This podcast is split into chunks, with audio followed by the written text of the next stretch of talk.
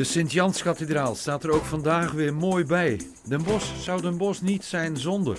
Maar het is eigenlijk ook vergane glorie. Een versteende herinnering aan de tijd dat de katholieke kerk nog wel echt belangrijk was. Vandaag praat ik met de man die het bisdom Den Bosch door zware tijden probeert te loodsen. En hij woont en werkt hier in het Bisschoppelijk Paleis. Vandaag ontmoet ik bisschop Gerard de Korte. Dag, hartelijk welkom. Dank u. Treed binnen. Dank u. Gerard de Korte, waar zijn we nu? Eh, we zijn op, op, op mijn werkkamer. Dit is de, de ruimte waar ik eigenlijk, eh, als ik thuis ben, ben. Eh, een werkhoek, mensen om te ontvangen. Ik heb een hoge tafel om aan te lezen. Eh boeken om me heen. Dus een, een, een, mijn thuis, zal ik maar even zo zeggen. Fijne plek? Fijne plek. Ja, zeer bevoorrecht als je eh, sowieso aan de parade mag wonen. Zo vlak bij de Sint-Jan. En tegelijkertijd ook een heel mooi huis en, en een mooie, mooie kamer om, om te werken en te leven. En die Sint-Jan, daar komt u elke dag. Ik ben er elke dag eh, om half negen heb ik daar de ochtendmis van, Hmm. eh, van maandag tot en met zaterdag. Eh, op zondag ben ik altijd in een van onze parochiekerken en dat zijn er 230 in het bisdom. Dus die ga ik rond, maar de, de andere dagen vier ik om half negen de mis. Zeven jaar nu, ruim zeven jaar. Ruim zeven jaar. Het nieuwe, Mei, het nieuwe is 2016. eraf, hè? Het nieuwe is eraf. Ja. Dat, is, ja, dat heeft toch wel een paar jaar geduurd, dat mensen zeiden, ja, de nieuwe bisschop. Ja, Maar dat hoor ik de laatste jaren gelukkig niet meer. nee. gelukkig. Ja, dat- dat- je moet op een bepaald moment natuurlijk een keer eh, geïntegreerd zijn, zal ik maar zeggen. hè. Dus eh, dat is zo'n nieuw woord wat, wat, wat vandaag veel gebruikt wordt. Nee, maar ik ben dus gewoon eh 7,5 jaar nu de bisschop en, en mensen kennen je. Dus in die zin. Ook wel een mooi, een mo- een mooi ja, zeven jaar, hè? Zeven, ruim zeven jaar. het al der volheid. Een mooi moment om eens de balans op te maken. Zeker. Zullen we dat eens doen? Heel goed.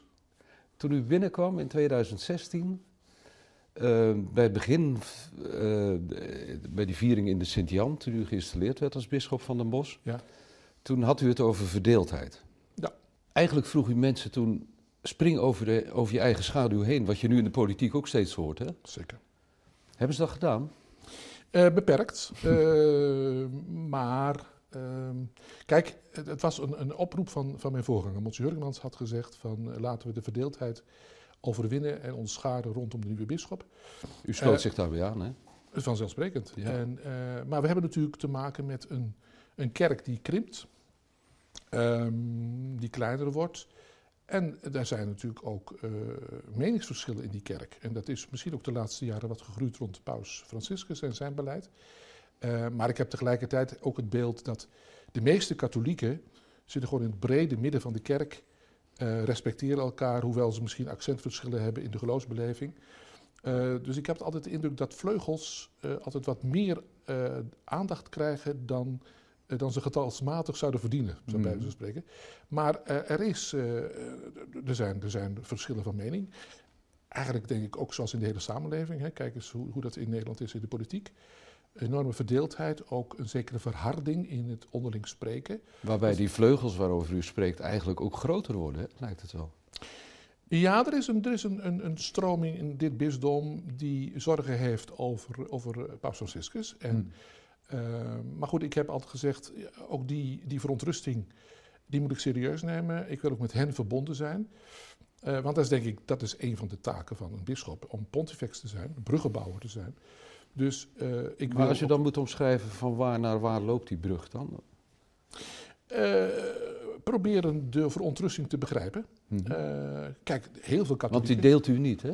Nee, nee, dat kan U- ik wel zeggen. Ik U bent ingenomen met de paus zoals hij zijn ik ben, werk doet. Ik ben, ik ben ja, in grote lijnen ben ik zeer tevreden met deze pauze. En ook het hele, wat dan heet in onze kerk het synodaal proces. Hè. Dus Hmm. we zijn samen op weg als gedoopten. Eh, op weg naar, een, naar, naar de toekomst, eh, op weg naar God. Hmm. Dat is eigenlijk natuurlijk de, de, de, de, de, lijn die we in geloof zo eh, beleiden.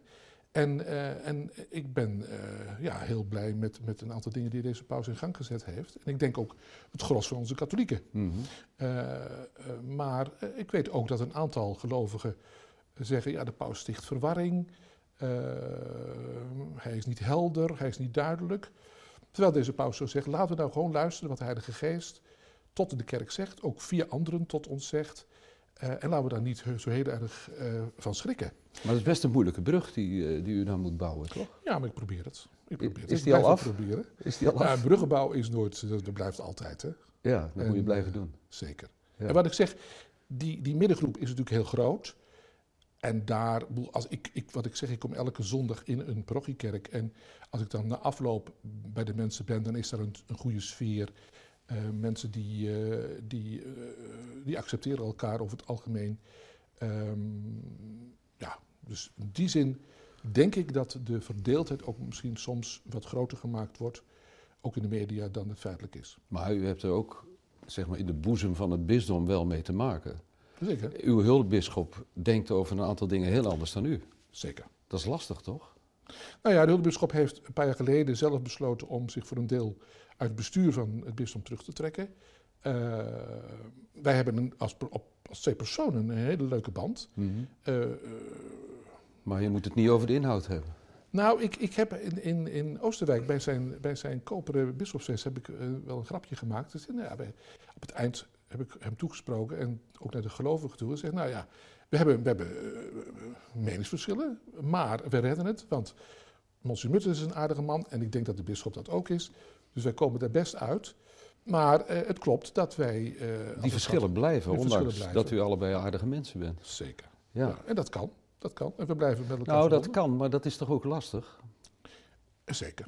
Zeker, natuurlijk. De- dus dus het, het had al anders mogen zijn. Ja. Maar goed, wij, eh, wij hebben een modus gevonden. U weet, dat is al eh, vlak voor corona hebben we dat ook naar de gelovigen eh, beschreven. Toen hebben we gezegd, wij willen in ieder geval niet dat er facties gaan ontstaan. Groep voor de bisschop, groep voor de hulpbisschop. Mhm. Dus wij, wij, wij weten dat wij geroepen zijn om de, als twee bisschoppen te werken aan de eenheid binnen het bisdom van Zertogenbos. En eh, nou, volgens mij lukt dat met vallen en opstaan ook best goed. Maar dan probeer je dus eenheid te creëren vanuit verdeeldheid. Dat lijkt me best lastig. Ja, of eenheid, eenheid in verscheidenheid. Ja, zo kun je het ook Nee, nee, het klopt. Er is natuurlijk. eh, Maar is Rob Mutshuis wel hulpbisschop dan? Kan die u wel helpen of helpt u eigenlijk, helpt hij eigenlijk helemaal niet? Nou ja, hij is in die zin nog steeds zullenbisschop van het bisdom. eh, vormt ook, eh, heeft representatieve functies. eh, is hier ook lid Mhm. van de commissie van beheer. Maar zijn taken heeft hij op eigen verzoek ingeperkt. En is voor een deel natuurlijk ook gewoon nu prochiepriester in, eh, in de prochie van, eh, van Oosterwijk. Ja. En dat is een modus vivendi die, eh, die volgens mij zo werkt. En hij doet op landelijk niveau ook het nodige voor jeugd en voor catechese. ja. Dus zijn agenda is ook goed gevuld. Ja, u moet natuurlijk als bisschop rekening houden met al die stromingen ook. Ook met de conservatieve stroming in de kerk. Ja. Maakt dat dat u eh, eh, minder de bisschop kunt zijn die u zou willen zijn eigenlijk? Beperkt dat u? Eh, Nou, kijk, ik, ik, ik, ik ben van huis uit historicus. En ik weet dat er altijd in de kerk meerdere stromingen zijn geweest. Kijk, Koekoeks eenzang is het in zo'n hele grote kerk als de Rooms-Katholieke Kerk nooit geweest. hè? Mhm. De 20 eeuwen.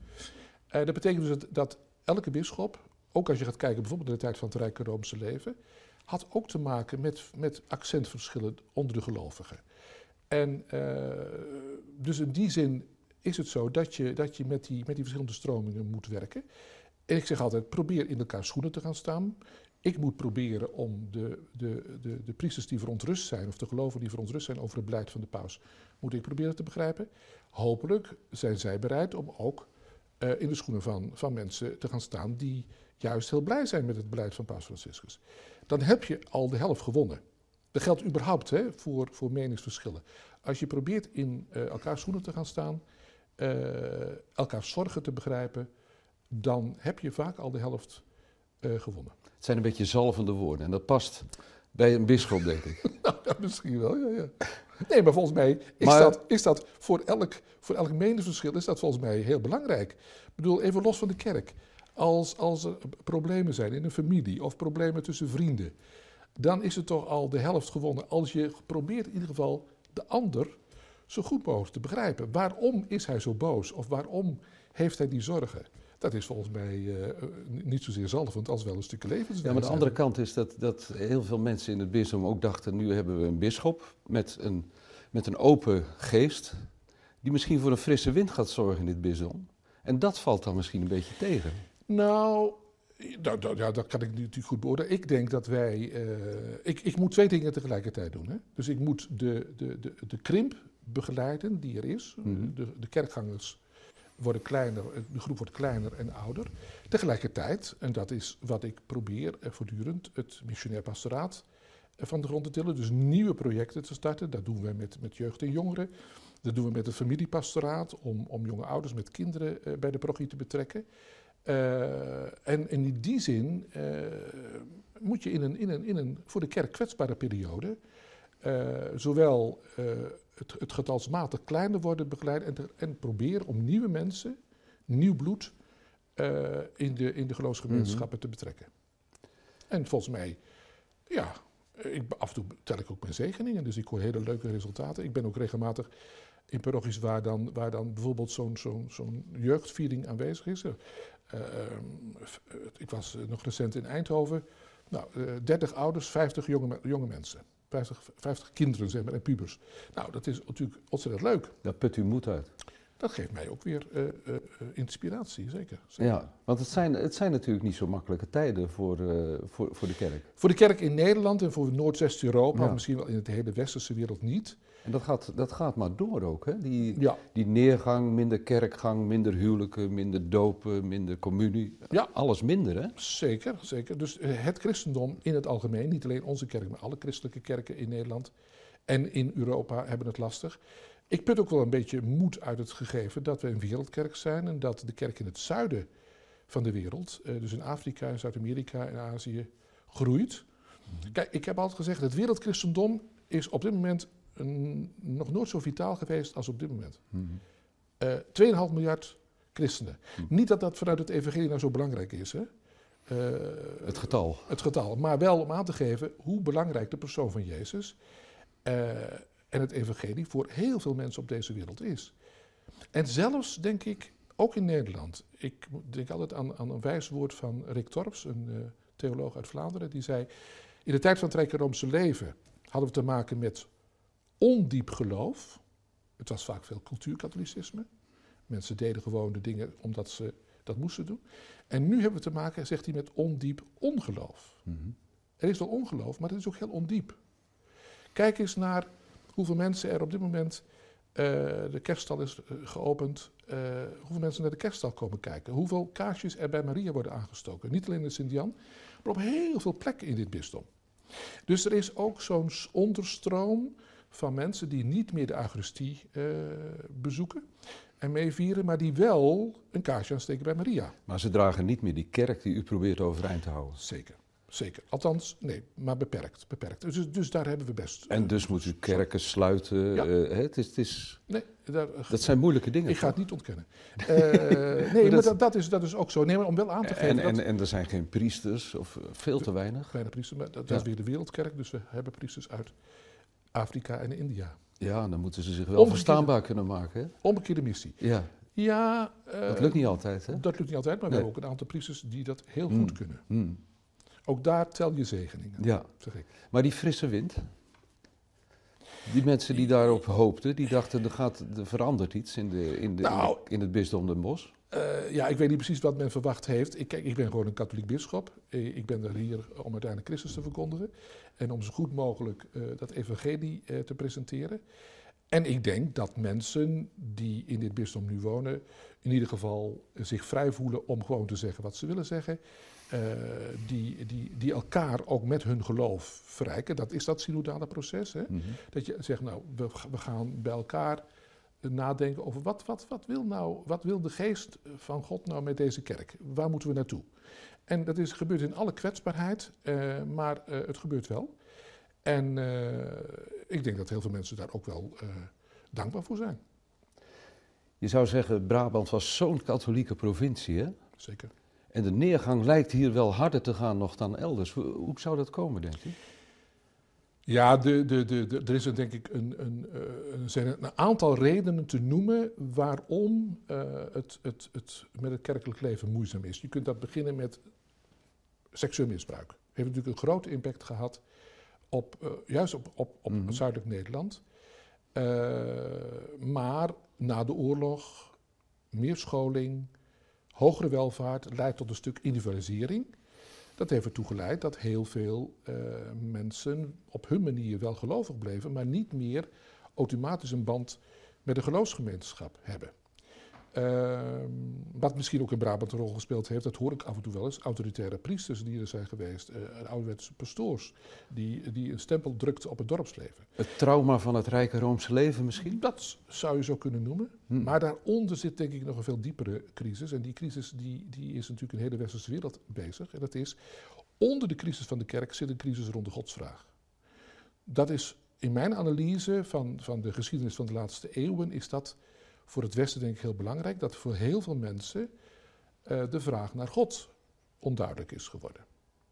En, uh, Van wie is dat dan? Bedoelt u dat? Precies. Ja. Precies. En waar is die dan en hoe werkt die dan? Nou, dat, zijn, dat, is natuurlijk dat is een hele wezenlijke vraag die de kerkcrisis voor een deel, belangrijk deel denk ik verklaart.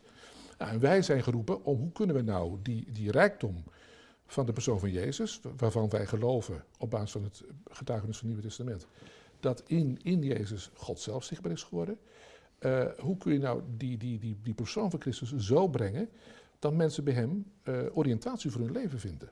Ik heb begrepen dat u al als kind al religieus ontvankelijk was. Zeker. Dat is een mooie term, maar wat, wat betekent dat, religieus ontvankelijk Nou ja, ehm, ik, ik was denk ik een heel uh, religieus kind. Ik heb nog, maar dan zitten we in de tijd van Rooms leven.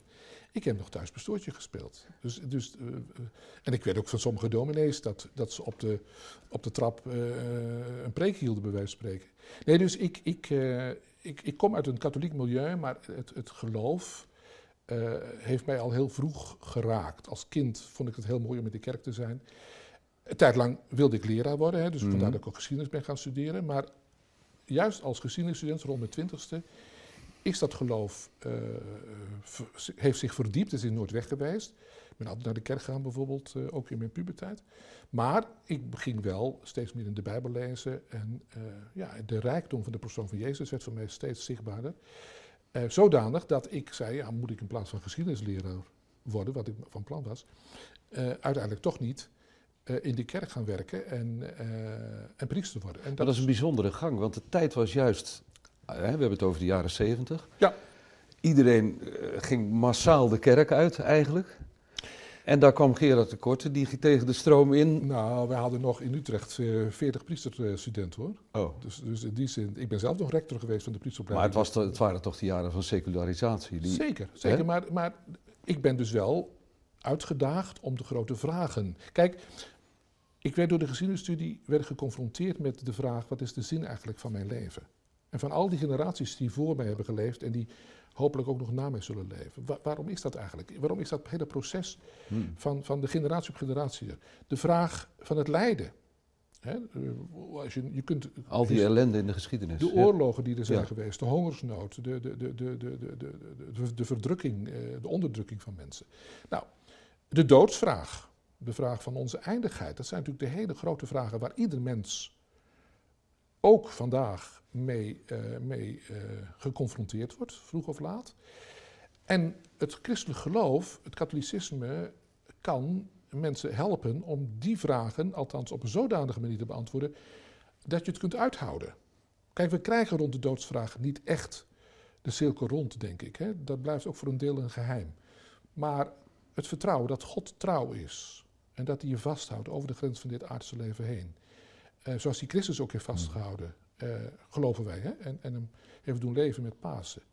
Nou, dat zijn uh, zulke indringende antwoorden die het Nieuwe Testament op de, op de vraag van bijvoorbeeld van, de, van leven en dood geeft.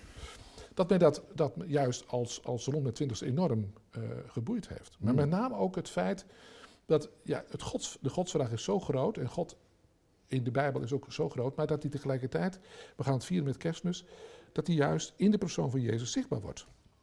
Maar dan moet je dus een soort ontvankelijkheid hebben voor ja. het spirituele. Voor ja. de dingen die je niet ziet en die je misschien wel vermoedt. Die aanvoelt. Zeker, zeker. Kijk, als mensen volstrekt materialistisch zijn, en dan bedoel ik dat in de, in de filosofische zin, hè, dus alleen maar rekening houden met het stoffelijke, met, met het zichtbare, wat je kunt meten mhm. en kunt, uh, kunt bewijzen, dan, uh, ja, dan, dan zal die, zullen die religieuze vragen eh, verdwijnen, denk ik. Eh, of, of althans in de ijskast worden gezet. Maar dat is niet, niet zo. Ik Hmm. denk dat heel veel mensen uiteindelijk. eh maar ik merk het ook met, met mensen die ik spreek vaak onder vier ogen. Dat als je even, even dieper eh, peilt. Dat, eh, dat, dat, dat die vragen er zijn. En dat ook de christelijke antwoorden eh, door mensen ook heel mooi gevonden worden. En trouwens, het christendom, ook in deze zogenaamde postchristelijke samenleving, is natuurlijk voluit aanwezig. Alleen al in de, in de waarden en de normen. Mm, mm. De, de inzet voor elkaar, Mm. eh, de naaste liefde, de, de, de zorg voor, voor, voor zieken, de, de, de, de zorgen voor, voor, voor mensen die in, in de problemen zitten. Dat is zo aanwezig. De hele thematiek van vergeven en verzoenen. Zo wezenlijk met het christendom gegeven. Een cultuur of een samenleving die niet meer kan vergeven en verzoenen, Mhm. die heeft denk ik een heel groot probleem. Ja. Ik heb een, een leuk verhaal wat dat betreft wel. We hebben een van onze dekens, die komt uit India. En die zegt altijd, ja, jullie klagen zoveel over secularisatie, onkerkelijking. Dit land is ontzettend christelijk, zegt hij dan. En waarom zegt hij dat? Hij zegt, als er op straat iemand neervalt, niet goed wordt, politie, ambulance, mensen met een deken. Eh, Iedereen helpt. en kijk eens hoe dat in India is. Men stapt gewoon over een stervende heen. Mm. Dus er is in, in, in de saamhorigheid, in de onderlinge verbondenheid, in de, eh, in, in de zorg voor elkaar, eh, zit nog zoveel van het christelijk geloof dat mensen gewoon leven. En daar mogen we, mogen we alleen maar dankbaar voor zijn. Nog heel even terug naar die verdeeldheid. Eh, u hebt dus verteld dat uw moeder, toen u priester werd, ook een beetje schrok. En zei van, als je dan maar niet vermalen wordt Ja. Tussen conservatief en progressief, hè? Klopt. Daar was ze bang voor, hè? Ja, mijn moeder was natuurlijk een, een vrouw die heel erg trots was dat een van haar kinderen priester werd. Maar tegelijkertijd ook nuchter. Want zij merkte wel dat in een aantal parochies, en volgens mij toen veel scherper dan Mhm. nu, er verdeeldheid was. En zal dan eh, een, een, een, een priester die recht wil doen aan al die verschillende facties, en zal die daar niet door vermalen kunnen worden. Nou, moet ik zeggen dat ik daar eerlijk gezegd, misschien ook door de plekken waar ik heb gestaan, daar eigenlijk helemaal geen last van gehad heb. Mijn Maar eerste nu toch wel? Ja, nou... nu wel een beetje, denk ik. Ja, ik, nogmaals, ik ga... Ik ga Vermalen is een groot woord, Precies. Nee, ik zeg altijd... ehm, ik citeer de paus nog wel eens. Die, eh, die paus waar ik dan zo mee verbonden ben, zou ik maar zeggen. Die heeft op een bepaald moment gezegd... één vallende boom mag meer lawaai dan een heel bos dat in stilte groeit. En dat geldt natuurlijk ook voor conflicten. Dat geldt ook voor meningsverschillen in parochies. Wij zijn allemaal geconce- ge- ge- helemaal geconcentreerd op die boom die aan het vallen is. Of die gevallen is met veel lawaai. Maar dat bos wat gewoon groeit, krijgt geen aandacht. Dat is ook een beeld wat ik heb van de nieuwsvoorziening. Hè? Hmm. Wij hebben volgens mij een veel te nieuw, negatief beeld van de wereld, omdat onze nieuwsvoorziening, zeker in de westerse wereld, erg geconcentreerd is op de problemen. Zeg Hmm. altijd, die vijf auto's die tegen elkaar gebotst zijn eh, in, in de avondspits, die halen de krant. Al die duizend auto's die thuisgekomen zijn, niet. Mm. En zo is het ook in, in, in, in, in de kerk. Dus, dus natuurlijk, er- er zijn conflicten. Eh, wij moeten regelmatig als de brandweer ergens naartoe sturen, zal ik maar zeggen. Dat is ook een taak van een bisdom. Niet altijd leuk, maar eh, mensen maken soms ruzie. eh, meestal komt het er ook weer uit. Maar in, de, in, de, in die 230 eh, geloofsgemeenschappen, hè, die 60 fusieprochies die we kennen, die regioprochies, Mm. in heel veel gevallen gaat het gewoon goed. Mm. En eh, U kunt uw moeder postuum geruststellen. zeker, zeker. U bent 68 geworden dit jaar, hè? Bij 1955. Pensioengerechtigde leeftijd gepasseerd. Ik heb al pensioen, ja. Ja, Maar ik ben nog niet bij pensioen. nee, nee, hoeft ook niet, hè, als bisschop. Ja, als ik tijd van leven heb, mag Ja. ik door tot, eh, tot mijn 75ste. Mm. Dan moet ik bij de paus mijn ontslag indienen. En, eh, maar goed, je moet eerst nog maar 75 worden. Hè? Ja. Ja. De paus is nou al een paar keer langsgekomen. Hij komt ook letterlijk langs, want hij gaat in België op bezoek. Heb ik begrepen. Heeft Althans, heeft plannen. Ja, hij heeft plannen om in België op bezoek Ja, te gaan. Was ja. het geen idee geweest dat hij ook deze kant op zou komen? Nou, het is meerdere keren ter sprake Hmm. gekomen. eh, en ik heb begrepen, kardinaal Eijk heeft het ook een keer bij hem eh, persoonlijk besproken. Maar toen had hij althans geen pri- prioriteit voor Nederland. Maar België lijkt natuurlijk heel veel op Nederland als het gaat om de kerkelijke situatie. Mm. Dus, dus eh, ja, dus in die zin heeft hij schijnbaar nu gekozen voor België. Ik, het, was, het is heel nieuw, nieuw, het is heel recent nieuws nog, hè, heb ik begrepen. Ja, Dus we moeten. eh, maar, eh, er is geen sprake van dat hij het combineert met, met Nederland. Ik zou het hopen. Hij is van harte welkom in de Sint-Jan natuurlijk. Maar u, dat kunt hem, werkt- u kunt hem uitnodigen, nee, toch? ja, maar zo werkt het niet. Dat is, Nee? dat is bij ingewikkeld. Nee, dat moet, het, het moet ook via de regering lopen. Mhm. Eh, allerlei protocol eh, dingen spelen een rol. Maar het zou natuurlijk fantastisch zijn als die, eh, als die dat zou doen. Maar dat, dat, dat is geen verwachting. En er zijn ook heel veel mooie kathedralen in, in België. Slotvraag wa- eh, 2024, wat verwacht u daarvan en, en in welk opzicht wordt dat belangrijk voor de kerk dat jaar?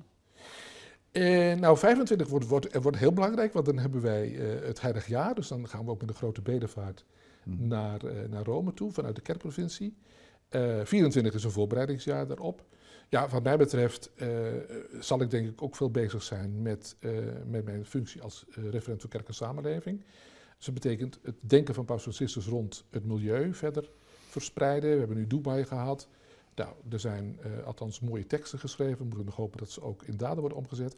Ik probeer vanuit het denken van Paus Franciscus eh, ook mensen te motiveren om zich eh, meer in te zetten voor het milieu. Dat zal ook in 24 zo blijven, omdat deze wereld niet van ons is, maar van God is. En God is de eigenaar en wij zijn alleen maar de hoveniers die de tuin die ons geschonken is goed te beheren, zal ik maar zeggen.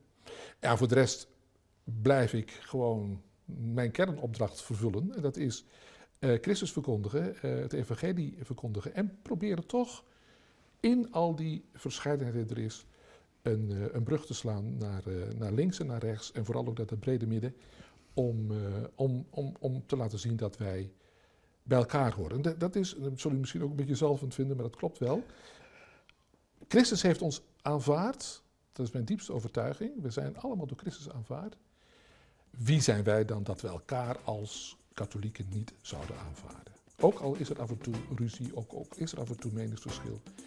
Uiteindelijk is die, die, goddelijke aanvaarding zo wezenlijk in geloof, dat het voor mij althans een reden is om eindeloos te blijven proberen om ook anderen te aanvaarden. Dan zullen we met deze zalvende woorden maar eindigen. Dank u Voor wel. mij wijze woorden. Dank u wel. Graag gedaan.